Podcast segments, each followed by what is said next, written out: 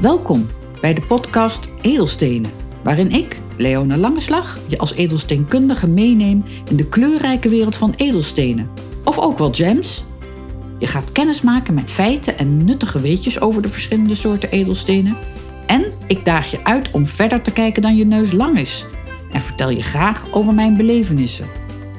Ook geef ik tips en tools die je kan gebruiken om instinkers of zelfs dure miskopen te voorkomen. Vertrouwen is goed, maar meten is weten. Leuk dat je luistert.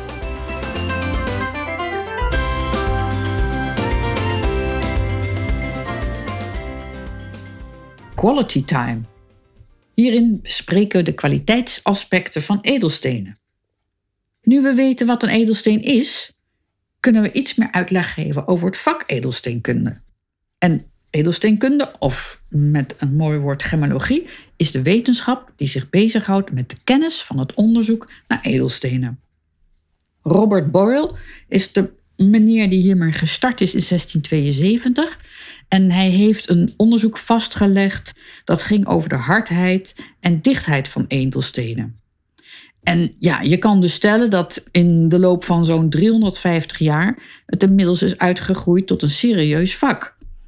Dat komt natuurlijk door het feit dat er in die uh, hoeveelheid jaren nog steeds nieuwe edelstenen gevonden zijn. En men ontdekt eigenlijk nog steeds uh, nieuwe edelstenen of nieuwe mineralen als basis. En het feit dat er inmiddels veel behandelingen bekend zijn over edelstenen. En die moeten dan natuurlijk ook nog eens geïdentificeerd kunnen worden.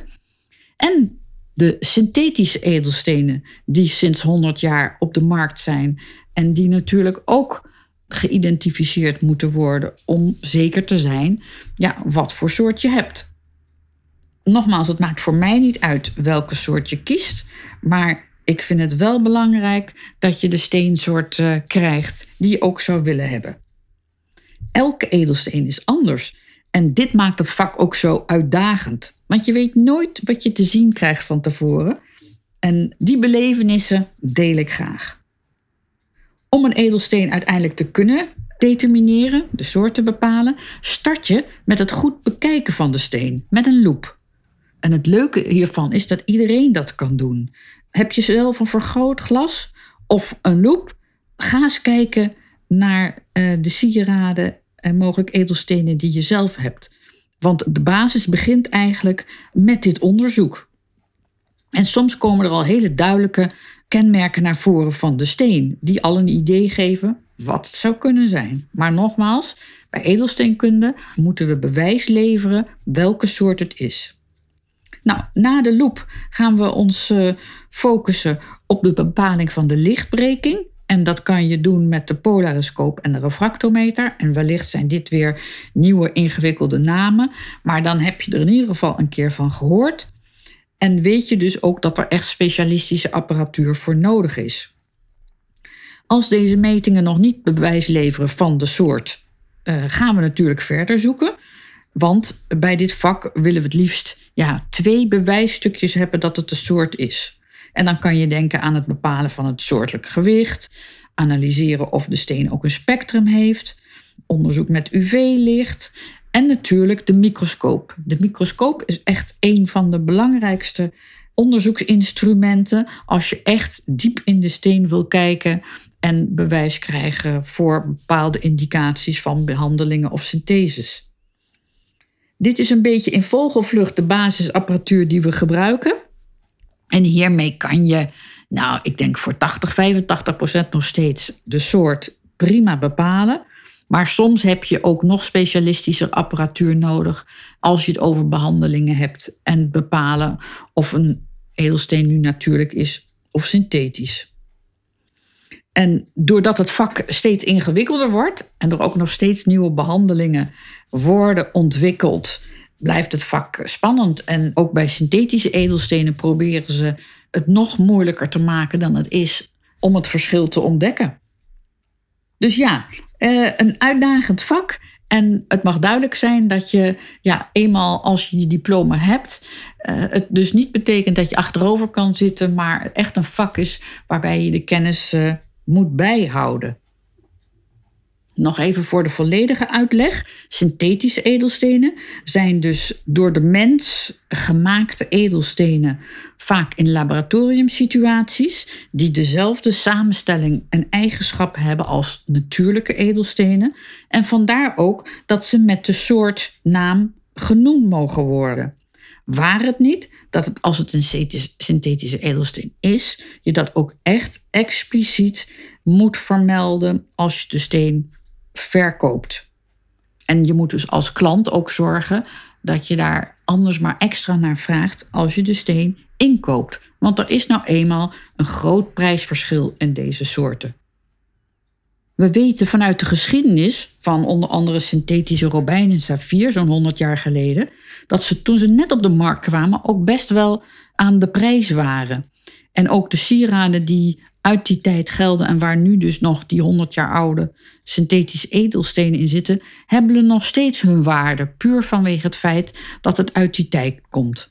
Maar de eerlijkheid gebiedt me ook te zeggen dat als je nu een synthetische robijn of saffier wil kopen, dat dat echt drie keer niks kost.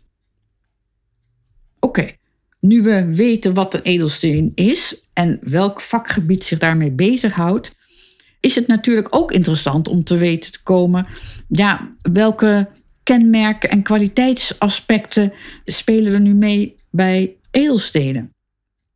De meeste van jullie hebben vast wel een keer gehoord van de vier C's. Deze letters staan voor color, clarity, cut en carat, oftewel kleur, helderheid, slijpsel en gewicht. Het eerste aspect waar we naar gaan kijken en waar ik iets over wil vertellen is schoonheid. En ja, natuurlijk zijn er verschillende meningen over wat iemand mooi vindt of juist speciaal of bijzonder. Maar er zijn wel een aantal aspecten die we, ehm, ja, waar we het eens over kunnen zijn. En gelukkig is dat in ieder geval in basis kleur. De C van color. En als we het over kleur hebben, dan benoemen we vaak de basiskleur die we zien. En dan bedoel ik bijvoorbeeld rood, blauw, geel, groen. Maar als je wat langer naar de steen kijkt, dan kan je vaak ook iets zeggen over de tint. Is die lichtgeel of juist wat donkerder?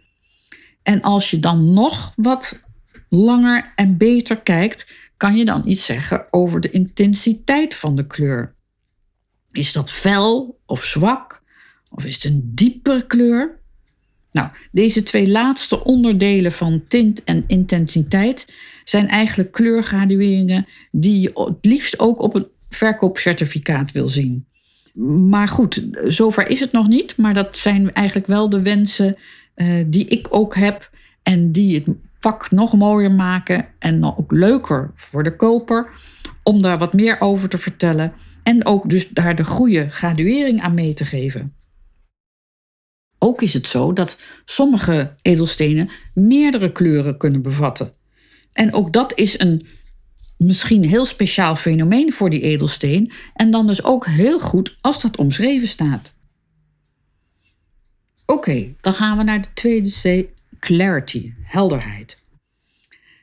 Als we naar helderheid kijken, dan moet je eigenlijk denken aan de mate van oneffenheden, zoals krassen, uh, butsen, die je dus aan de buitenkant van de steen kan zien, maar ook de insluitsels die je binnen in de steen kan zien.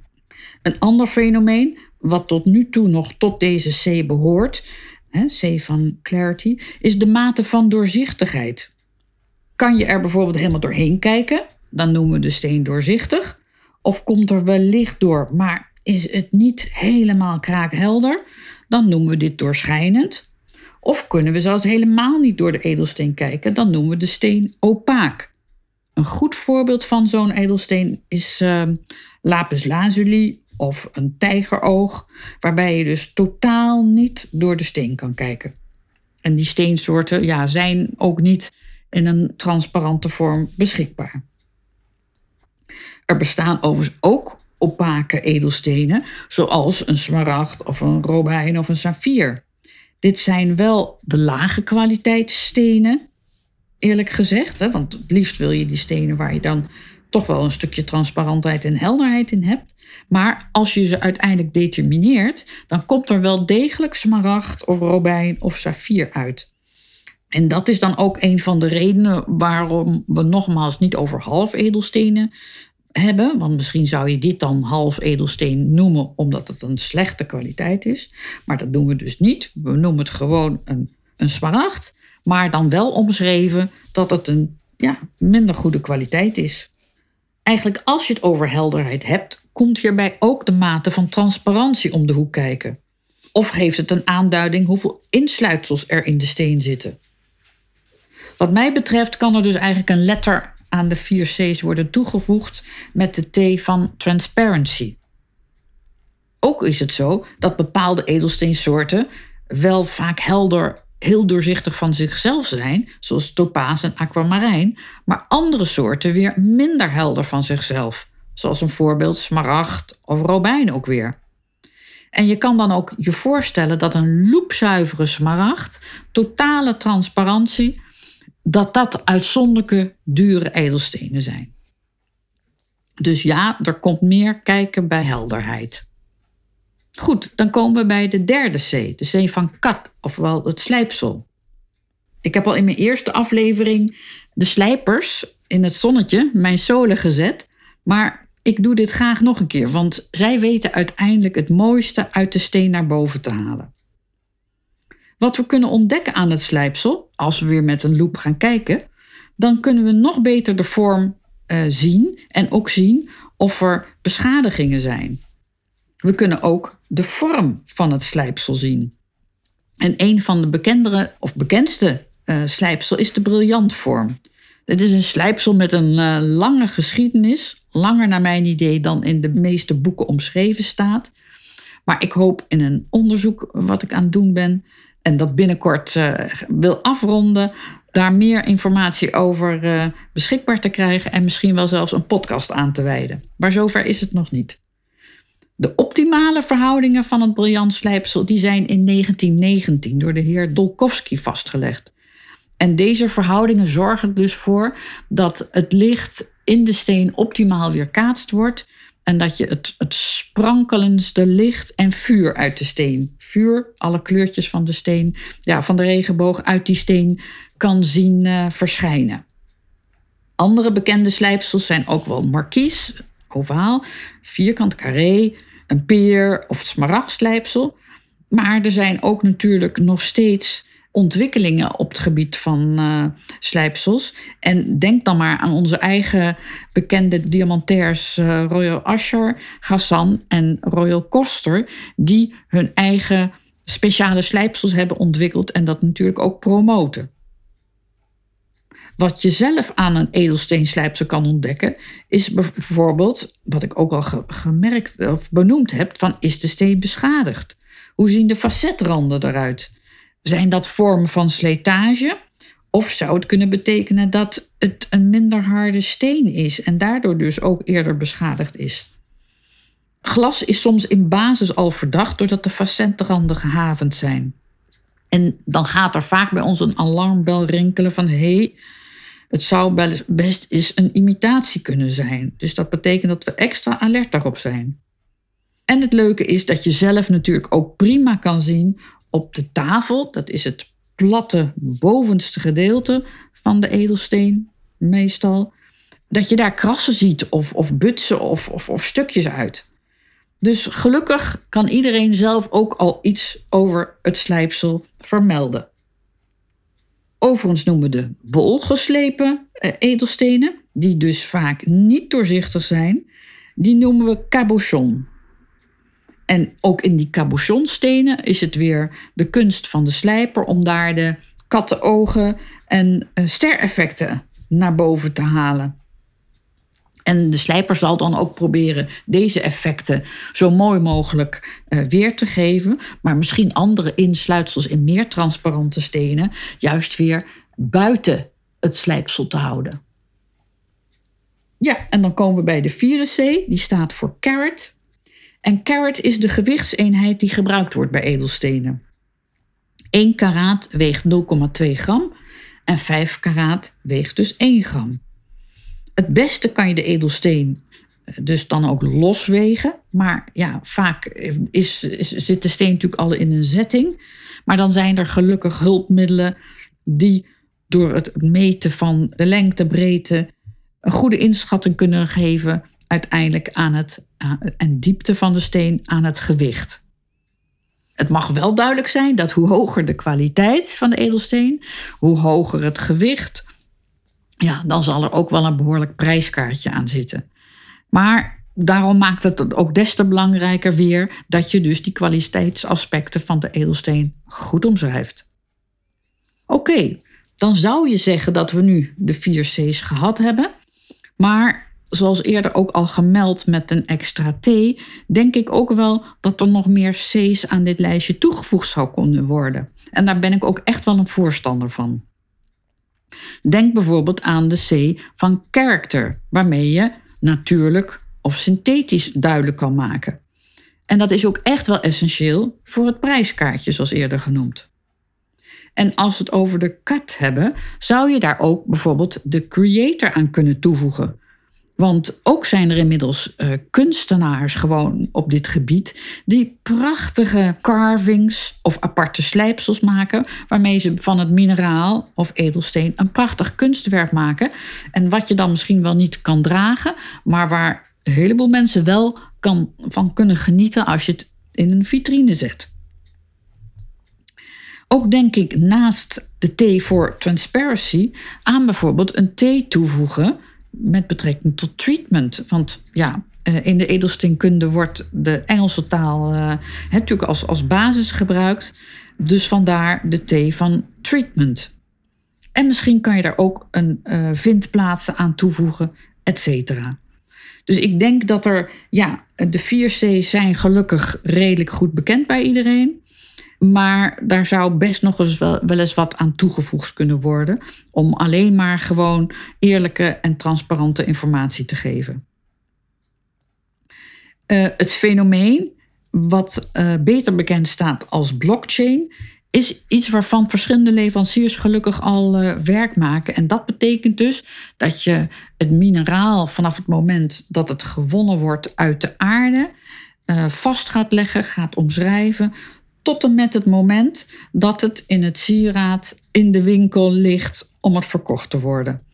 En dat is aan de ene kant toekomstmuziek, maar aan de andere kant ben ik ook al heel blij dat er inderdaad firma's zijn die daar hard mee bezig zijn en die daar dus ook een stukje ethiek en duurzaamheid bij bewerkstelligen zodat ook als de, de, de mijn uh, op is, de natuur in dat gebied wel terug wordt gebracht zoals in de staat zoals hij eerst was.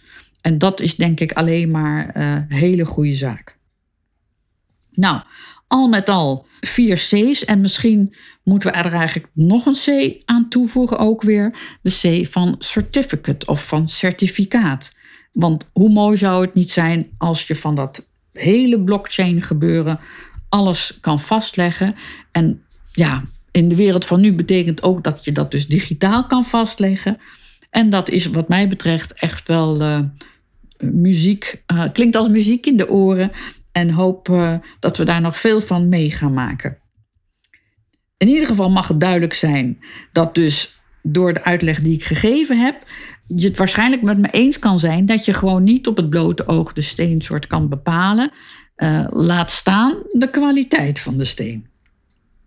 Goed, Graag sluit ik nog af met een paar uh, tips en weetjes. Nou, de eerste tip is natuurlijk: pak je vergrootglas, pak je loep en bekijk je sieraden juwelen eens. Uh, van goed dichtbij. Het is echt hartstikke leuk. Er gaat een wereld open. En niet schrikken als je natuurlijk ontdekt dat er veel viezigheid in de sieraden is geslopen. Maar ja, dat hoort nou eenmaal erbij als, uh, ja, als de sieraden gedragen worden.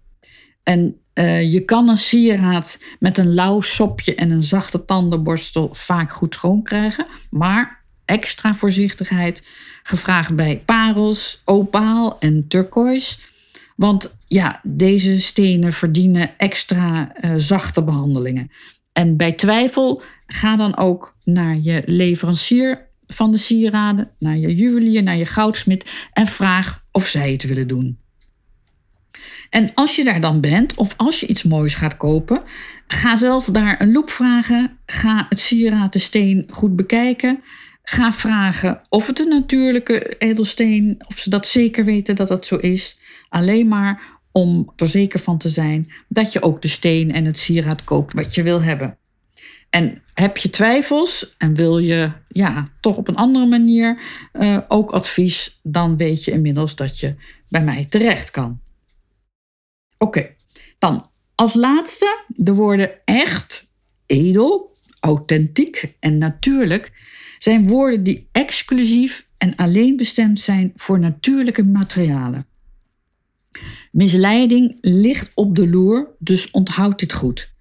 En nogmaals, vraag anders expliciet aan de verkopende partij uh, of het zeker is dat het een natuurlijke edelsteen betreft. Graag tot de volgende podcast.